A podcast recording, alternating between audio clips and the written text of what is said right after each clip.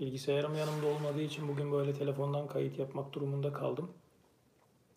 Onun için özür dileyerek başlamış olayım. Sıcak bir gündem var Erdoğan'a bombalı suikast.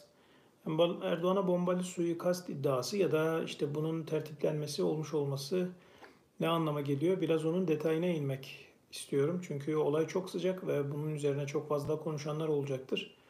Ve elbette ki bir algı çalışması yapılacak. Neden algı çalışması yapılacak? Çünkü önce A Haber olayı verdi, ardından Ulusal Kanal. ikisi beraber olayı verdikten sonra o bir anda durum e, bir ciddi anlamda bir suikast girişimi varmış gibi bir duruma dönüşmüş oldu. Şimdi bunu nasıl okumak gerekiyor? Ee, özellikle 1 Kasım'la 7 Haziran arasında artık koalisyon hükümetine dönüşüldüğü bir dönemde biliyorsunuz Türkiye kana bulanmıştı. Türkiye'nin birçok yerinde özellikle muhaliflerin yapmış olduğu mitinglerde bombalar patlıyordu. Ve o bombalar bir korku atmosferinin yaratılmasına neden oldu. O bombalar patlamadan önce o bombaların sanki patlayacağının işaretini Erdoğan aslında seçimlerden önce ve seçimlerden sonra çok rahat bir şekilde veriyordu. Yani e, koalisyon hükümeti oluşacak olan o döneme girilmeden önce Erdoğan 400'ü verin rahat edin diyordu. Ve eğer biz iktidardan gidersek ülke kan gölüne dönecek diye de ciddi anlamda kendince o zaman uyarılarda bulunuyordu. Sonra bu anlaşıldı ki aslında bu ülke kan gölüne dönecek bir korku politikasının yayılmasıymış. Sonra zaten biliyorsunuz AKP oyları ciddi anlamda düştüğü ortaya çıkınca ve bir koalisyona doğru gidince de e, gereği yapıldı ve muhaliflerin mitinglerinde bombalar patladı ve bu bombaların neticesinde e, Erdoğansız bir yönetimin aslında Türkiye'ye sadece ve sadece kaos getireceği anlayışı yayılmış oldu ve bu yayılma politikasıyla, korkunun yayılması politikasıyla da e, seçime girilmiş oldu ve tekrar yeniden Erdoğan tek başına iktidara geldi. Şimdi bu korku politikası belli bir süre sonra yerini tamamlamış görünüyor. Yerini tamamlayan korku politikası kendisini algılardan ziyade gerçekliğe bırakması gerekiyor. Bu gerçeklik nedir? Maalesef acı bir gerçeklik. O da siyasi suikastlar. Siyasi suikastlar olunca eğer yani e, Türkiye'de belli başlı insanlara siyasi suikastlar yapılınca aynı zamanda kaosun tetiklenmesi anlamına geliyor. Kaos tetiklendikten sonra nerede duracağı belli olmayan bir kaosa dönüşüyor ve algı gerçek korkuya yerini bırakıyor siyasi suikastlar olabilir diye ısrarla şiddetle altını çizmiştim ve aylar önce de değinmiştim bunlara. Bunun haricinde peki ne olabilir? Mağduriyet devşirilebilir. Karşımızda öyle bir politik akıl var ki mağduriyetin her türlüsünden inanılmaz derecede nemalanmış bir akılla, siyasi bir akılla karşı karşıyayız. Bunu ihmal etmemek gerekiyor. Muhaliflerin e, bazı önemli isimlerine suya, siyasi suikastler olmakla birlikte bu bombalı saldırı eylemi gibi görülen eylem ne anlatıyor bize? Şunu söylüyor. Ben ilk A Haber'de bu haberi takip ettiğimde daha sonra ulusal kanalın e, alıp bunu yaymasına baktığımda bir psikolojik harp, ta, harp taktiğinin çok ciddi anlamda üst perdeden e, yönetildiğini ve icra edildiğini görmüş oldum. Ne diyor bize bu psikolojik harp taktiği? Aslında halkı hazırlıyor. Neye hazırlıyor halkı? E, Erdoğan'a bombalı bir suikast yapabilir, yapabilir düşüncesine önümüzdeki dönemde Erdoğan'a bombalı suikast yapabilirler düşüncesine şu anda Türkiye'yi halka hazırlıyorlar. Bu hazırlama biçiminden korktuğum şey daha önce muhalif mitinglerde patlatılan bombalar ve onları patlatanlar aynı bombalı eylemleri demek ki AKP mitinglerinde yapmayı planlıyorlar. Erdoğan'a hiçbir şekilde zarar gelmeyecek şekilde mitingin çok başka bir yerinde bir bomba patlatarak mitinge katılmış olan 10-15-20 e, neyse artık AKP'linin ölümüne sebep olarak e, buradan Erdoğan'a çok büyük bir mağduriyet devşirebilirler ki Erdoğan böyle bir mağduriyetin üstünde tepe tepe tepine tepine seçimleri de kazanır. Seçimlere gider ve seçimleri o mağduriyet üzerinden kazanır. Dolayısıyla e, böyle böyle bir çalışmanın altyapısını çok rahat bir şekilde görebiliyorsunuz. Bugün medyada olayın ele alınış biçimi ve veriliş biçimiyle birlikte verenlere baktığımız zaman ve sistematik bir şekilde haberin işlenişine ve ele alınış biçimine baktığımızda e, asıl bize bu olayın kendisinin önümüzdeki günlerde yapılacak olan o şeytani planların bir parçası olduğunu ve bizi ona hazırladığını, halka ona hazırladığını net bir şekilde görüyoruz. Zaten Erdoğan işte kur arttıkça ve dolar karşısında TL değer kaybettikçe aslında doların arttığı yok. Türk parası değer kaybediyor. Türk parası değer kaybettikçe, Türk lirası değer kaybettikçe Erdoğan zaten dış güçleri yeterince gündeme getiriyor. E, ve bu dış güçlerin işte Erdoğan'ın varlığından rahatsız olduğunu da Erdoğanist yazarlar yazıyorlardı. Şimdi halkı bir şey hazırlıyorlar. Eğer çakma bir suikast tertip edecek olsalar, suikasti yapacak olan kişinin bulunması, Erdoğan'ın suikast çakma da olsa kendi hayatını riske atmayacak olması bunlar çakma suikastin önünde bir engel. Fakat bir bombalı saldırı biliyorsunuz zaten bombalı saldırıların hiçbir zaman failleri bulunamıyor. Bir bombalı saldırı eylemi mitinge yapabilirler Erdoğan'ın bir mitingine. Ve büyük ihtimalle de bunun altyapısını hazırlamak için bugün bu bombalı saldırı olayını gündeme getirmiş oldular. Muhalefetin çok dikkat etmesi gereken konulardan bir tanesidir bu.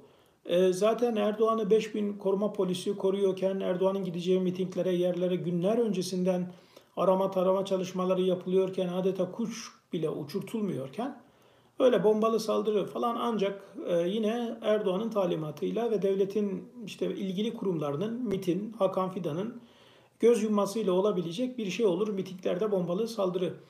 E, bunu anlaşılan hazırlıyorlar. Yeni bir mağduriyet devşirme peşindeler. Bu mağduriyetlerden seçim kazandıklarını hepimiz biliyoruz. Oraya doğru da bir gidişat olabilir. Buna çok dikkat etmek gerekiyor. Muhalefetin de bundan sonra buna dikkat etmesi elzem ve zaruri bir durum. Ee, Erdoğan'a bombalı suikast işte olayları aslında bundan sonra yapılacak olan olaylarında bir göstergesi. Hmm, buraya olaya böyle bakmak ve olayı böyle değerlendirmek ve bugünden sonra zaten olayı ele alacak olanların bu olayı ele alacak olanların olaya yaklaşım biçimine baktığınızda da bunu net bir şekilde görürsünüz. Bu arada şuradan ışık vuruyor çok fena bir şekilde. Onu kapatmaya çalışayım ama bakayım kapatabilirsem kapatayım arkadaşlar.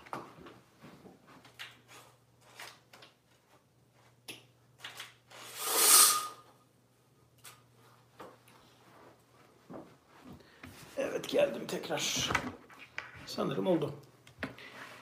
Yani olmadı da oldu gibi olsun. Şimdi tabii ee, demek ki bir mağduriyet edebiyatıyla gidilecek. Bu da şunu gösteriyor. Erdoğan kaybetmeye çok yakın ve ilk defa bu kadar kaybedeceği duruma yaklaşmış durumda. O yüzden buradan ciddi anlamda bir mağduriyet ihtiyacı hissediyor. Bununla birlikte değinmek istediğim çok önemli bir konu var. O da ajanlar savaşı ya da e, bir yönüyle Türkiye'de işte cirit atan ajanlar bunlardan bahsetmiştim ben size ve Rus ajanlarının Türkiye'de cirit attığını ve bunun bunların birçoğunun aslında MIT'le de karşı karşıya geldiğini hatta Antalya'da neredeyse silahlı çatışmaya gireceklerini anlatmıştım. Buna değinmeyeceğim çok. Metin Gürcan'ın tutuklanması üzerinden bazı algı çalışmaları yapılıyor. Oraya da değinmek istiyorum. Metin Gürcan'ın tutuklanması ne anlatıyor bize? Bir defa bir ajanlık sistemi eğer Metin Gürcan uluslararası diğer ülkelere ajanlık yapıyorsa hangi ülkelere yapıyor? Bu ülkeler hangi ülkeler? Bu ülkelerin büyükelçilerinin hangi memurlarıyla anlaşmışlar? Bu ülkeler eğer Metin Gürcan'dan siyasi bazı bilgileri alıyorlarsa siyasi casusluk iddiasıyla tutuklandı çünkü. Siyasi casusluk demek hani askeri ve siyasi casusluk kanunda birlikte ele alınan bir durum. Askeri ve siyasi casusluk maddesi askeri bilgi ve belgeleri siz başka bir ülkenin lehine olabilecek şekilde elde eder ve paylaşırsanız, onlarla paylaşırsanız buna askeri casusluk deniyor. Paylaştığınız belgeler askeri değilse siyasi belgelerse buna da siyasi casusluk diyorlar. O zaman ortada sorulması gereken sorular var. Sorular var. Öncelikle e, Metin Gürcan kimlerle birlikte yapıyor bu işi?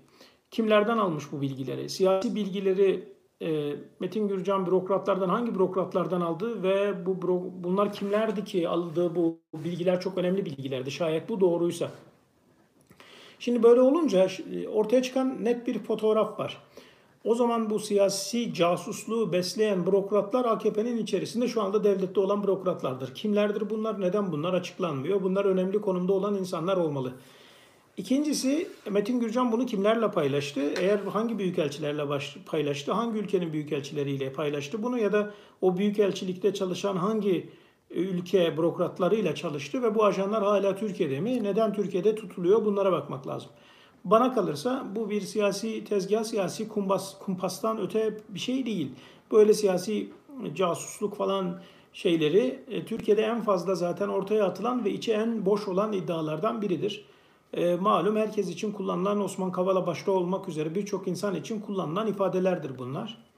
E, kendimden örnek vereyim yani beni CIA'den, FBI'dan, işte İran ajanlığından bilmem nereye kadar ne kadar ülke varsa hepsinin ajanı bilmem nesi olarak suçlayan bir akılla karşı karşıyayız. Böyle bir aklın işte e, Metin Gürcan gibi bir ismi de bu şekilde e, bir yönüyle siyasete kurban ederek siyasi casus diye tanımlaması kaçınılmaz bir durum. Ortada bir hukuk sistemi yok, adalet mekanizması yok, doğru düzgün bir araştırma yok. Bu kadar çarpık bir adalet mekanizması ve düzeni varken ve ortada gerçek anlamda bir hukuk sistemi yokken kim yargılanırsa yargılansın ben o yargılanmanın doğru ve adil olduğuna inanmam. Metin Gürcan'ın kendisi insanlara çok rahat bir şekilde terörist diyormuş, yaftalıyormuş. Mesela ben Metin Gürcan'ı tanımam bilmem. Hiçbir zaman denk, denk gelmedim kendisine. Hiçbir şekilde iletişimim de olmadı. Fakat iktidarın benimle ilgili söylentilerini baştan doğru kabul ederek beni engellemiş birisidir. Hiç, hiçbir şekilde muhatabiyetim olmamasına rağmen. Fakat bu Metin Gürcan'ın haklarını savunmam noktasında beni engelleyen bir durum değil.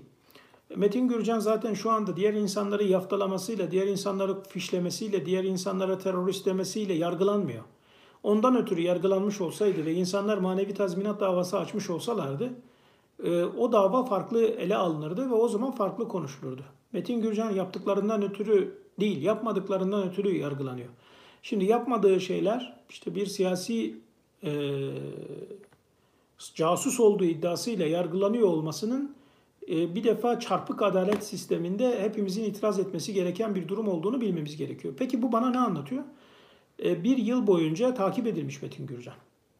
Şimdi bir yıl boyunca takip edilmişse eğer hani vardı ya deniyordu ya 17-25 Aralık polislere neden işte bir sene, iki sene, üç sene soruşturma takip etmişler? Neden tespit eder etmez operasyon yapmamışlar? Metin Gürcan'ın bir yıl önce casus olduğu tespit edildi de neden bir sene beklendi? Bu bir. İki, Metin Gürcan bir yıldır hangi gerekçeyle, bir yıl önce hangi gerekçeyle, hangi şüpheyle takibe alındı? Bu da iki. Şimdi bu bize neyi söylüyor? Bu bana e, Ali Babacan ve etrafının çok ciddi anlamda resmi ve fiziki o anlamda takibe tabi tutulduğunu, teknolojik ve fiziki takibe tutulduğunu gösteriyor. Demek ki Ali Babacan'ın ve çevresinin Deva Partisi'nin her adımı inceleniyor, her adımı takibe alınıyor. Ee, resmi evraklarda var mıdır onu bilmiyorum ama bunlar takip ediliyor. Bunu bilmek gerekiyor. Bu da şunu gösteriyor. Muhalefetin bütün e, etkili ve yetkili olabilecek isimleri ve kurucuları bir partinin kurucusu demek ki MİT tarafından, emniyet tarafından ya da sarayın talimatıyla belli istihbarat birimleri tarafından takibe alınıyorlar. Asıl vahim olan durum da aslında budur ve bunun üzerine gidilmesi gerekiyor. Oradan Abdullah Ali Babacan'a ve Deva Partisi'ne bir sopa da gösterilmiş oldu. Bir korku atmosferi de yayılmış oldu. Bugün Metin Gürcan'ın siyasi suikaste içeriye alınması Ali Babacan dahil olmak üzere Deva Partili birçok ismin hatta Abdullah Gül'ün İngiliz ajanı olarak içeriye atılma sebebi olabilir, gerekçesi olabilir. Bunu çok rahat bir şekilde uydurabilirler. Bu aslında bütün muhaliflere de böyle bir gözdağı verme operasyonudur. Siyasi casus nitelemesiyle tutuklanması. Çünkü Türkiye'de neredeyse her siyasi kişilik için ve siyasi parti için birinin ajanı ifadesi kullanılır. Şimdi buradan hareketle Türkiye'deki o komplo teorilerinin ve komplocu kafaların bizim kafamızı nasıl yıkadıklarına, beynimizi nasıl şekillendirmeye çalıştıklarına bakalım. Çok fazla üzerinde duran konulardan bir tanesidir bu casusluk meselesi. Ve Türkiye'de kim kimin casusudur, hangi ülkeye çalışılır çok konuşur ve Türk konuşulur. Ve kimin arkasında kim var bu çok ele alınır. Arkadaşlar Doğu Perinçek Devlet Bahçeli gibi isimler her zaman için bir ülkenin casusu olarak nitelendirilirler. Mesela Perinçek için İngiliz ajanı olduğu söylenir ve İngiltere'nin Türkiye'deki emelleri üzerinde sürekli konuşulur. Şimdi bizim eğer komploya yönelik olan kafalarımız şekillendirilirse hiçbir zaman gerçeği göremeyiz ve gerçeği göremediğimiz için de hiçbir zaman gerçek anlamda analizler yapamayız. Bizim siyaseten ya da politik olarak e, beynimizin berrak olması için bu tanımlamaları çok yerinde ve doğru okumamız gerekiyor. Açık ve net konuşacağım burada. Ee, Hakan Fidan'a İran ajanı diyenler bir sonra sonra dönüp Hakan Fidan'a İngiliz ajanı olduğunu söylediler. Kafalar bu kadar karışıktı. Ankara'da çok böyle bürokraside önemli noktalarda olan insanların Erdoğan şeyin Hakan Fidan'ın İran ajanı olduğuna inandıkları zamanlarda bunun imkansızlığı üzerinde konuşma yaparken o isimlerin yaklaşık 5 sene sonra bu defa bana dönüp Hakan Fidan'ın İran ajanı değil İngiliz ajanı olduğunu söylemeleri trajikomik bir durum yaratmıştı. Şunu demek istiyorum. Türkiye'de elbette ki birileri başka birileriyle bir şekilde kol kola hareket edebilirler ve böyle bir mekanizma içerisinde bir dönüşümlü hareketlilik olabilir. Ama bu hareketliliğin adı ajanlık olmaz. Bunu buna çok dikkat etmek gerekiyor. Mesela Devlet Bahçeli'nin bir ajan olduğunu, işte Perinçek'in bir İngiliz ajanı olduğunu söylediğiniz andan itibaren artık bütün temellendirmeleriniz, bütün konuşmalarınız komplo teorisi üzerine gitmek zorunda kalıyor. Mehmet Eymür çıktı ve Perinçek'in İngiliz ajanı İngilizlere çalıştığını iddia etti. Aynı Mehmet Eymür, dikkat edin bakın aynı Mehmet Eymür. Kısa bir süre sonra da Perinçek'in solun içerisine sızdırılmış MIT ajanı olduğunu söyledi. Yani bir bakıyorsunuz bir taraftan İngiliz ajanı aynı kişi söylüyor bunu. Öbür taraftan e ya ne, ne nasıl olmuş yani? Milli İstihbarat Teşkilatı İngiliz ajanı olduğunu tespit ettiği birini sol gruplar içerisine istihbaratçı olarak mı yerleştirmiş? Baştan sona saçmalık. Perinçe'yi günahım kadar sevmem ama Perinçe'ye İngiliz ajanı demek, İngilizler Türkiye'de cirit atıyor demek, Erdoğan onların kontrolünde demek ve her şey İngilizlerin e, hakimiyetindedir ve İngilizlerin devletin kontrolündedir demek tam da siyasal İslamcıların istediği gibi düşünmek demektir. Muhafazakar mahalleler maalesef ki siyasal İslam'ın etkisinde kalmışlardır. Muhafazakar mahallelerin neredeyse tamamı çocukken siyasal İslamcıların aptalca komplolara ve kurgularına maruz kalmışlardır. Kadir Mısırlıoğlu gibi birini düşünün, aklınıza getirin ve bunu kendisine bir yönüyle fikirli, fikri anlamda fikri takip edilebilecek bir üstad gibi kabul eden bir geleneğin İngilizlerin devleti her yerde ve İngilizler her yeri kuşatmışlardır ve herkes, herkes İngilizlere çalışır mantığı muhafazakar mahallede herkesin çocukluktan itibaren kafasına empoze edilmiş olan aptalca bir kurgudan başka bir şey değil.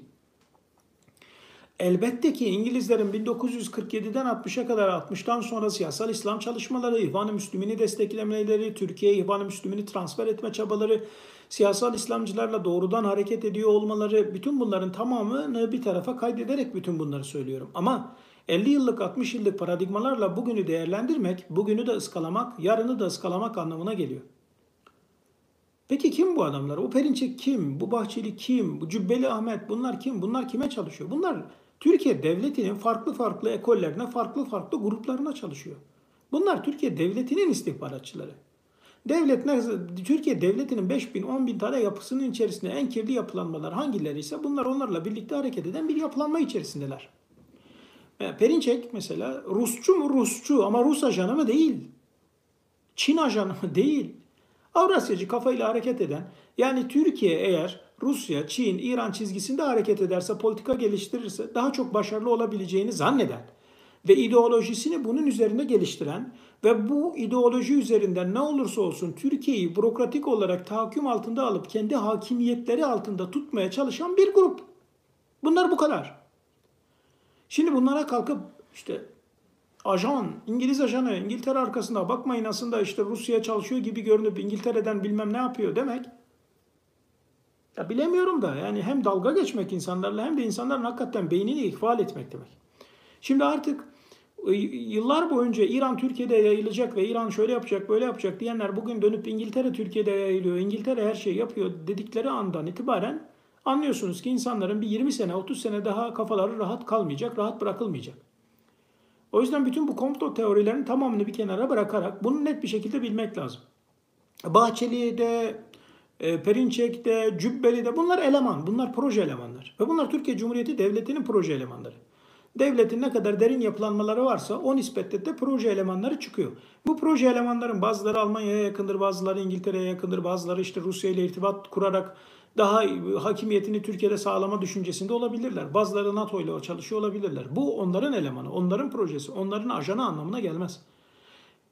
Şimdi artık böyle beynimizi etrafımızdaki insanların ya da farklı farklı komplo teorilerinin kuşattığı bir dönemden kendimizi kurtarmanın zamanı geldi. Dolayısıyla olaya biraz böyle bakmak gerekiyor. Bunlar hani birlikte hareket ederler mi? Beraber çalışırlar mı? Başka bürokratlarla hareket ederler mi? Perinçek, Bahçeli e, edebilirler, hareket edebilirler. Ama bunlar doğrudan bir ülkenin ajanıdır dediğiniz andan itibaren gerçeği ıskalarsınız. Bu da en çok onların işine yarar zaten. Devlet içerisinde kirli yapılar var. Ve bu kirli yapıların temsilcileri var. Ve bu temsilciler farklı farklı ülkelerdeki bazı işte bürokratlarla, yatırımcılarla, bazı politikacılarla dirsek teması içerisinde de olabilirler. Ama bu sizi aldatmasın, bizi aldatmasın. Onun için yani ajan mıdır Perinçek? İşte Bahçeli ajan mıdır? Cübbeli ajan mıdır? Ajan ajansa eğer Türkiye'nin ajanıdır. Yani Türkiye'nin kirli yapılanmalarının, Türkiye'nin kirli devletinin, gene devlet geleneğinin kirli yapılarının yani bir parçasıdır, bir kriidir. E zaten kendi devletinin ajanı da olduğun zaman zaten ajan olmamış oluyorsun. Nedir peki bunlar? Proje elemanlardır. Proje elemanlarla ajanlığı karıştırıyorlar. Karıştırılıyor birbirine. Bu da maalesef ki işte doğru düşünmenin önünde en önemli engellerden bir tanesi. Ve bu büyük bir zarar getirir. Bütün yapılara, bütün topluluklara, bütün düşünme biçimlerine zarar getirir. Bunu çok iyi bilmek, bunu kavramak, bunun farkında olmak elzem. Bunları sonra detaylı bir şekilde konuşuruz. Şimdi gündemimiz o değil. Ajanlık meselesinden açıldık. Uzun zamandan beridir değinmek istediğim konulardan bir tanesiydi bu. Diğer bir konu CHP'nin şu anda bekleyen çok önemli bir tehlike var. CHP içini bekleyen çok önemli bir tehlike var.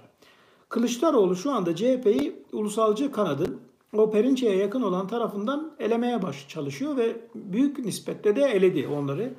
Onları eledikçe ve sivilleşti tabii CHP. Sivilleştikçe ortaya çıkan önemli bir sorun var. CHP'yi bekleyen önümüzdeki süreçte en önemli tehlike ulusalcıların içindeki e, bazı ulusalcı yapılanmaların, CHP içindeki bazı ulusalcı yapılanmaların CHP'deki solcuları tasfiye etmeye çalışma çalışmaları ya da birbirleriyle çatışmaları CHP'nin en önemli, CHP'yi bekleyen en önemli tehlikeye dönüşebilir. Yani bugün CHP'de biraz daha sosyal demokrat konumunda olan ve siyaseti o çizgide devam ettirmeye çalışan, makul çizgide devam ede gelen sol bir gelenek var. Ve bu sol geleneğin önemli temsilcileri ya da şu anda o sol geleneğin kuvvetli isimleri olabilecek sembol isimleri var. Mesela Canan Kaftancıoğlu gibi isimler ve onun ekibindekiler, beraberindekiler sosyal demokrat çizgiye yakın olarak durmaya çalışan ve CHP'yi e, sosyal demokrasi çizgisini daha hızlı bir şekilde geliştirmeyi düşünen bir ekip. Bununla birlikte onların karşı cenahında duran ulusalcıların son kalesi olarak benim tanımladığım ve ulusalcıların farklı kesimlerinin bunlardan rahatsız olan bir kesimi var CHP içerisinde Özgür Özel Giller.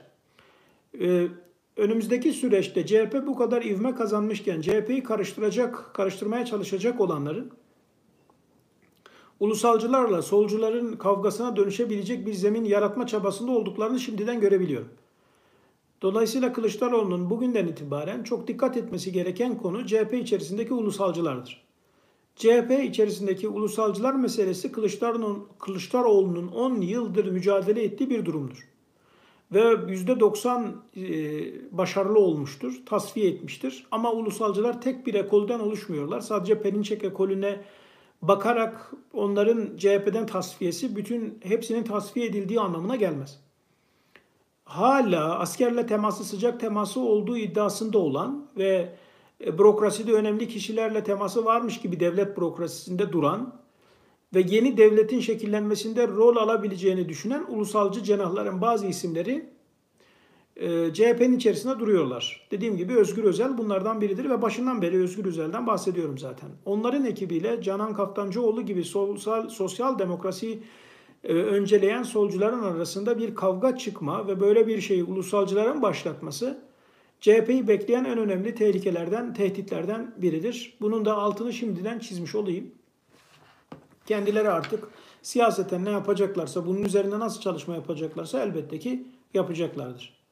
Gündeme gelen diğer konulardan bir tanesi ısrarla ve inatla Cumhurbaşkanlığı adaylığında Millet İttifakı'nın adayının kim olması gerektiği. Onda Abdullah Gül ismini ısrarla ve inatla ortaya atan bazı yeni ve eski siyasal İslamcılar var. Muhalif çizgide olan ve e, eskiden bir zamanlar siyasal e, siyasal İslamcı olan Levent Gültekin biraz Abdullah Gül üzerinde duruyor. Bir de Fehmi Koru Abdullah Gül'ün kadim dostu arkadaşı e, Abdullah Gül üzerinde duruyorlar. Bunun nedeni de toplumun üçte ikisini muhafazakar olduğu iddiasında olmaları. Evet toplumun üçte ikisi muhafazakar Türkiye'de. Yani siz Türkiye'yi muhafazakar tanımlarla ve terimlerle tanımlamaya kalktığınız zaman yüzde yetmiş birlik bir biriminin muhafazakar olarak karşınıza karşınıza çıkacağını görmeniz lazım. Fakat bu muhafazakarlık var diye ya da böyle tanımlanıyor diye ya da merkez ya da merkez sağ diye tanımlanabilecek bu kadar kitle var diye Abdullah Gül'ü pazarlamaya kalkmak çok basit bir şeyle söylemiş olayım şark kurnazlığıdır. CHP içerisinde bu %70 kitleye de hitap edebilecek önemli bir şey var. Ee, önemli bir önemli isimler var. Mansur Yavaş bunlardan biridir. Ekrem İmamoğlu bunlardan biridir. Bu iki isimden herhangi birinin üzerinde mutabık kalınırsa Abdullah Gül'ün alabileceği oylardan çok daha fazlasını alabilecek zaten isimler muhalif cerrahın içerisinde var. O zaman Abdullah Gül ismi neden gündeme getiriliyor? Herhalde gönüllerinden o isim geçtiği için ondan ötürü gündeme getiriyorlar. Ama Abdullah Gül olsa olsa bir kişinin adayı olur. O da Fehmi Korun'un adayı olur. Başka da kimsenin adayı falan olmaz. Kemal Kılıçdaroğlu çok ciddi anlamda bir e, şeyin içerisine girmiş durumda. Bir girdabın içerisine girmiş durumda. O girdapta şu etrafını saran bir şey var. Kılıçdaroğlu'nun bir atmosfer var. Pozitif bir atmosfer olabilir. Öyle değerlendirilebilir. O da Cumhurbaşkanı adayının Kemal Kılıçdaroğlu olması. Bunun üzerine çok fazla duruluyor. Bana kalırsa Kemal Kılıçdaroğlu'nun aşması gereken önemli konulardan bir tanesi de bu handikaptır. Kılıçdaroğlu'nun her ne olursa olsun Cumhurbaşkanı adayı olmaması gerekiyor. Kılıçdaroğlu'nun ya Ekrem İmamoğlu ya da Mansur Yavaş'tan birini Cumhurbaşkanı adayı olarak belirlemesi, Akşener'le birlikte hareket etmesi ve o birliktelikten de bir Cumhurbaşkanı adayı çıkarmaları gerektiği kanaatindeyim ben. Gerek Saadet Partisi, İyi Parti, Deva Partisi, Gelecek Partisi, Demokrat Parti gibi 7-8 partiyle birlikte oturup anlaşabilirlerse eğer ortak bir aday noktasında Meral Akşener'in aklından geçen ve gönlünden geçen Ekrem İmamoğlu'nu Cumhurbaşkanı adayı olarak gösterebilirler. Bugün mitinglerde Mersin mitingi ele alınırken şöyle bir atmosfer görülüyor. Miting kalabalık, coşkulu ve herkes yine böyle kalabalık görülmedi. Demek ki muhalefet bir iş, bu işi aldı götürdü falan algısına kapılıyor. Sevgili arkadaşlar artık bu algıdan kurtulun. Muharrem İnce zamanında 5 milyon kişi Maltepe'de toplantı toplandı artık bu iş oldu denildiğinde Muharrem İnce %30 oy alarak evinden bile çıkamadı. Mitinglerdeki kalabalıklara bakarak siyasi okuma yapmaya çalışma ve oradan da Kılıçdaroğlu artık bu işi aldı götürdü ve kopardı gibi bakarsanız Erdoğan yeniden kazanır. Onun için gerek Kılıçdaroğlu'nun gerek etrafındaki insanların aday belirleme sürecinde neyi, hangi kriterleri nasıl ele almaları gerektiğini çok iyi bilmeleri gerekiyor. Toplumun o %70'lik diliminin e, durumuna bakmadan Erdoğan'ı yenmeniz söz konusu değil. O %70'lik durumun hassasiyetleri söz konusu da %30'luk durumun hassasiyetleri söz konusu değil mi? Söz konusu da o hassasiyetler seçim kazandırmıyor. Burada real politikadan bahsediyoruz. Real politikanın gereğini Kılıçdaroğlu herhalde benden çok daha iyi biliyordur. Herhalde bunun çok daha farkındadır. Ve bu durumda aday belirleme sürecinde de ne yapması gerektiğini herhalde herkesten çok daha iyi bilen biridir. Şöyle söyleyeyim. Erdoğan karşısında e, Cumhurbaşkanı adayı olacak Millet İttifakı'nın kazanma ihtimali en düşük adayı Kemal Kılıçdaroğlu'dur. En düşük adayı. Kemal Kılıçdaroğlu'nu siyaseten takdir ediyorum. Ee, çok önemli adımlar yapıyor, çok önemli e, engelleri aşıyor, çok önemli blokajları ortadan kaldırıyor, çok önemli tabuları yıkıyor. Çok takdir ediyorum. Türkiye'de olmuş olsaydım, olma imkanım olmuş olsaydı, Kılıçdaroğlu'nun aday, aday olsaydı oy verirdim Kılıçdaroğlu'na. Ondan bahsetmiyorum. Ama mevzu benim böyle düşünmemle ilgili de değil. Mevzu real politikanın gerekliliği neyse onu yapmakla ilgili. Ve real politikanın gereği e, Ekrem İmamoğlu gibi ve o vasıfta birinin adaylığının çok daha belirleyici olabileceğini, kazanma ihtimalini çok daha arttırabileceğini ve hatta Erdoğan'a fark atabileceğini gösteriyor. Demek istediğim şey de tam da bu. Kılıçdaroğlu umarım bu heyecana kendini kaptırmaz. Bu şeye gelmez, bu gaza gelmez. Bakın Muharrem İnce bu gaza geldi. Mitinglerde şöyle oldu, böyle oldu. Hala adam o gazla hasta oldu yani. Ve bütün ilginin hala o ilginin peşinde ciddi anlamda bir psikoloğa görülmesi gerekiyordu. Görünmedi. Seçimlerden sonra söylemiştim. Muharrem İnce bu kadar ilgi alakayı kaldıramayacak. Mutlaka psikoloğa görülmesi gerekiyor. Siyaseten daha iyi hareket edebilmesi için yapmadı. Şimdi parti kurdu. İşte hali ortada, vaziyeti ortada, durum ortada. Diğer bir konu Ayhan Bilgen'in bir iki dakika değineceğim o konuya da ve programı kapatmış olayım. Ayhan Bilgen ve ekibinin parti kuracağı artık belirlendi, belli oldu. Ayhan Bilgen tarafından da ilan edilmiş oldu bir nevi. Parti ortaya çıkmadan herhangi bir şey söylemek doğru değil. Ama ön, öngörü olarak şunu söyleyeyim. Kürtlerden muhafazakar kesimin, muhafazakar Kürtlerden çoğunun, birçoğunun hala AKP'ye akmakta olduğunu oylarından unutmamak lazım. Onlar HDP'ye kısmi yanaştılar ve bazen de uzun zamanda ayrı kaldılar. HDP AKP'ye gidecek gidecek olan oyları belki Ayhan Bilge'nin kuracağı parti kendine çevirebilir. Eğer kuracaksa bir parti AKP'ye zararı olur. HDP'den HDP'yi bölmeye yönelik ya da HDP'yi işte tasfiye etmeye yönelik bir e, parti oluşacak sarayla anlaşıldı ve sarayın güdümünde bir parti kurulacak ki HDP zayıflasın gibi eleştirileri e, sadece komplo teorisi olarak görüyorum. Ve hiçbir şekilde gerçekliği de yok bunların. Ayhan Bilge'nin ve etrafındaki insanların kuracağı parti muhafazakar Kürtleri AKP'deki şehirleşmiş olan, şehirleşen muhafazakar Kürtleri kentli muhafazakar Kürtler önünde önemli bir alternatif olabilir. Deva Partisi yine bir alternatiftir. Gelecek Partisi onlar için bir alternatiftir. Ayhan Bilge'nin de partisi kuracağı parti böyle bir alternatif olabilir. Evet haftanın gündemlerini böylece değerlendirmiş olduk. Bilgisayarım yoktu. Yani yoktu derken böyle dramatize etmeyeyim. İş yerinde unutmuşum bilgisayarı. O yüzden telefondan yayın yapmış oldum. Yayın da böyle olmuş oldu. Umarım iyi olmuştur. Rahatsız edici olmamıştır. Ee, bir de çok selamınızı alıyorum arkadaşlar. Ee, hem DM'den de selam alıyorum her türlü başka şeylerden hem de e, şeye gelen iş yerine gelenler oluyor. Özellikle gençler oluyor. Bu gençler anne babalarından selam getiriyor. Ee, anne babaları genelde ya Türkiye'de ya da başka ülkelerde yaşayan gençler, üniversiteli gençler geliyor çoğunlukla. Ee, sizin selamlarınızı getiriyor hepsinin, hepinizin. Ee, her, herkese bütün saygılarımı, selamlarımı ben de iletmiş oluyorum. İletmiş olayım buradan. Özellikle Türkiye'de yaşayan ve bir şekilde Türkiye'den çıkamayan o bariz ve baskın atmosfer altında yaşamak durumunda kalan bütün herkese saygı ve selamlarımı iletiyorum. Ee, hep söyledim, yine de söylemeye devam edeceğim ve bitmeyecek bu söylemim benim. Çünkü gerçeklik de böyle. Asla ve asla ümidinizi kaybetmeyin. Ee, günden güne çıkan, günden güne bir şey gibi, bir fiziksel aynı bir tahtaravelli gibi düşünün. O tahtarevellinin iki yönü gibi günden güne sizlerin morali, motivasyonu, hayata bakışı ve algısı yükseldikçe onlarınki düşüyor. Ki şu anda da durum bu, vaziyet bu. Siyaseten de zaten bitme noktasına geldiler. Kendilerini de bitirdiler, ülkeyi de bitirdiler. Kendi taraftarlarını da bitirdiler. Yarın öbür gün göreceksiniz bizzat kendi taraftarları tarafından taşlanacak bir yapı olarak yapıya dönüşecekler. Bunu da bilmek gerekiyor. Buna göre de hazırlığınızı yapmaya çalışın. Yarına buna göre hazırlanın. Yarın da gelecekte hepsi de sizin olacak. Bunu da bilin. Bütün muhalif kesimlerin, cereyanların tamamına buradan sesleniyorum.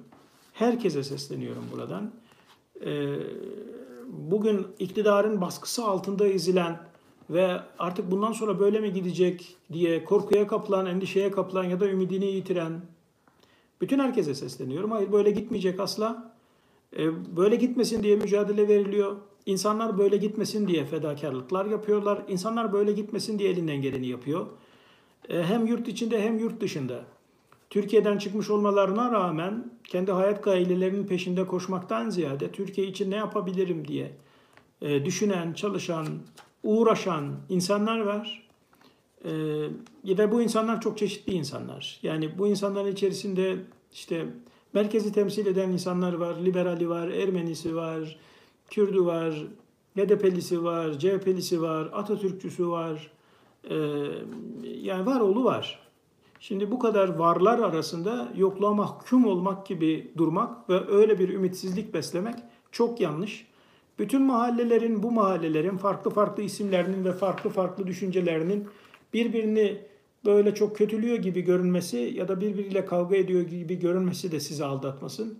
Emin olun makuliyet çizgisinde olanlar ve böyle gitmez diyenler ve birlikte hareket edebiliriz diyenlerin sayısı bu mahalleler içerisindeki e, kin ve öfkeyle hareket eden ve provokatif eylemler yapan ve provokatif şeyler yazan insanlardan çok daha fazladır. Ümidim çok fazla. Elbet bugünlerde geçecek, bitecek. Biz de yarın, yarının o güzel günlerinde bir araya gelmiş olacağız hep birlikte. Bugün burada böyle e, dijital bir ortamda birlikteliğimiz olacak. Ama elbet bir gün İstanbul'da ya da ne bileyim Türkiye'nin bambaşka bir yerinde birlikte bir masanın etrafında belki bir çay, belki bir kahve içerken bulacağız birbirimizi. Kendinize iyi bakın.